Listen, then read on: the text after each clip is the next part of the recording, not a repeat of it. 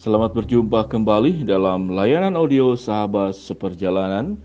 Hari ini adalah hari Senin 5 Oktober 2020. Layanan audio Sahabat Seperjalanan adalah untuk menolong Anda bersaat teduh dan berdoa setiap hari.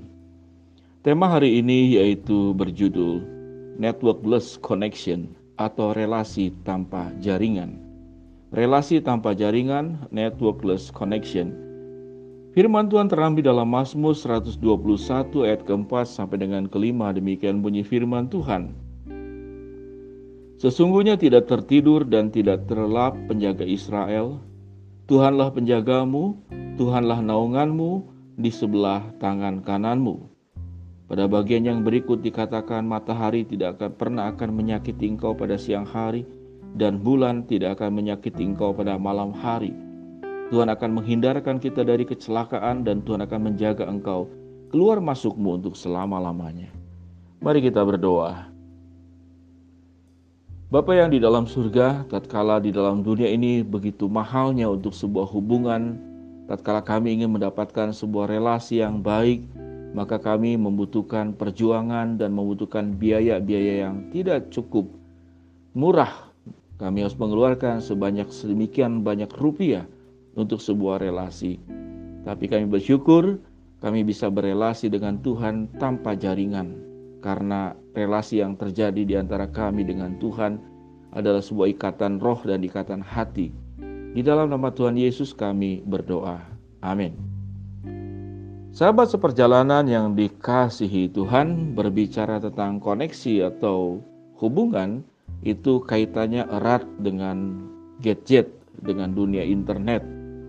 Tatkala kita saudara-saudara untuk membutuhkan jaringan untuk gadget kita, untuk handphone kita, untuk komputer kita, untuk laptop kita, maka kita membutuhkan wifi, kita membutuhkan internet. Dan untuk punya wifi dan punya internet itu juga tidak mudah karena harus mengeluarkan satu bagian uang tertentu tatkala sebuah jaringannya semakin baik, semakin banyak, maka berarti juga semakin banyak juga biaya yang dibutuhkan. Sehingga di dalam dunia ini semua relasi itu pada akhirnya dibutuhkan uang. Apakah semua membutuhkan uang? Memang tidak juga ya. Ada yang tanpa membutuhkan uang, tapi membutuhkan sebuah hubungan baik. Dan kalau kita menjadi orang baik, maka relasi dengan orang-orang juga akan terbangun juga dengan baik. Tatkala kita menjadi orang yang bisa memberikan sumbangsi kepada orang lain, maka relasi juga itu akan semakin terbuka dan semakin baik juga. Sahabat seperjalanan yang dikasih Tuhan. Lalu apa hubungannya Tuhan dikaitkan dengan relasi tanpa jaringan? Tuhan dihubungkan dengan networkless connection, sebuah jaringan yang tanpa membutuhkan sebuah relasi yang tanpa membutuhkan jaringan. Karena hubungan kita dengan Tuhan tidak diikat oleh jaringan. Hubungan kita dengan Tuhan itu sebuah ikatan roh, ikatan hati, dan ikatan spiritual bersama dengan Tuhan. Sahabat seperjalanan yang dikasih Tuhan, ada satu yang sangat menyusahkan kita dan menjadi sebuah kehidupan yang penuh dengan menderita kalau kita itu diputuskan dari hubungan dalam dunia ini. Saudara-saudara dan sahabat seperjalanan yang dikasih Tuhan, tatkala seseorang melakukan sebuah tindakan pidana, maka dia dimasukkan ke dalam penjara setelah melewati proses pengadilan atau disebutnya lapas, yaitu tempat untuk lembaga pemasyarakatan. Kita berpikir bahwa orang yang akan dimasukkan ke dalam penjara pasti akan stres karena dia terputus hubungan, terputus jaringan. Kalau mengikuti aturan hukum yang sesungguhnya handphone pun juga tidak boleh. Namun cukup menarik lapas-lapas yang ada sekarang itu boleh berkoneksi dengan handphone ada waktunya dan diatur sedemikian rupa. Kalau penjara itu pada akhirnya lapas itu setiap orang itu tidak terhubung satu dengan yang lain, dia hanya sendiri tidak ada yang mengajak bercakap-cakap, tidak ada yang mengajak berkomunikasi, tidak ada yang mengajak bertukar pikiran apalagi berbagi perasaan dan pikiran. Maka orang itu cepat atau lambat dia akan lebih mudah mati dalam waktu yang singkat. Namun mengapa banyak orang yang bertahan di lapas atau di tempat pemasyarakatan? Karena di sana terhubung dengan orang-orang, mereka ada komunitas. Mereka berkumpul dengan orang-orang yang punya nasib yang sama. Bahkan yang cukup menarik orang-orang yang dimasukkan ke dalam penjara, dimasukkan ke dalam lembaga pemasyarakatan. Tanda kutip ya, mereka bisa lebih bahagia ya, walaupun tidak selalu. Karena mereka punya orang-orang yang punya kehidupan yang senasib sepenanggung, sepenanggungan. Jadi orang itu akan tetap punya daya tahan di dalam hidup ini tatkala dia terkoneksi dengan orang-orang, dengan masyarakat, apalagi kalau itu terkoneksi dengan orang-orang yang dekat dengan kita. Namun hidup ini sering kali pada akhirnya kita tidak punya hubungan apa pun dengan siapa pun juga. Karena banyak faktor. Karena kita jatuh miskin, orang takut dengan dekat dengan kita. Atau kita punya penyakit tertentu, penyakit yang membutuhkan waktu lama lalu kita tidak berfungsi, kita tidak bisa berkegiatan. Hanya terputus koneksi juga dengan lingkungan karena sering kali lingkungan itu adalah relasi yang terbangun itu membutuhkan syarat. Atau kita juga terputus hubungan karena kita memang menarik diri. Kita tidak mau berhubungan dengan manusia mana pun, baik secara langsung offline maupun online. Karena pengalaman masa lalu, karena traumatik di masa lalu, sehingga kita mencurigai segala sesuatu. Lalu kita hidup di dalam kesendirian. Kita memutuskan semua hubungan-hubungan di dalam dunia ini baik karena dunia yang memutuskan hubungan denganmu atau dirimu sendiri yang memutuskan hubungan dengan dunia luar.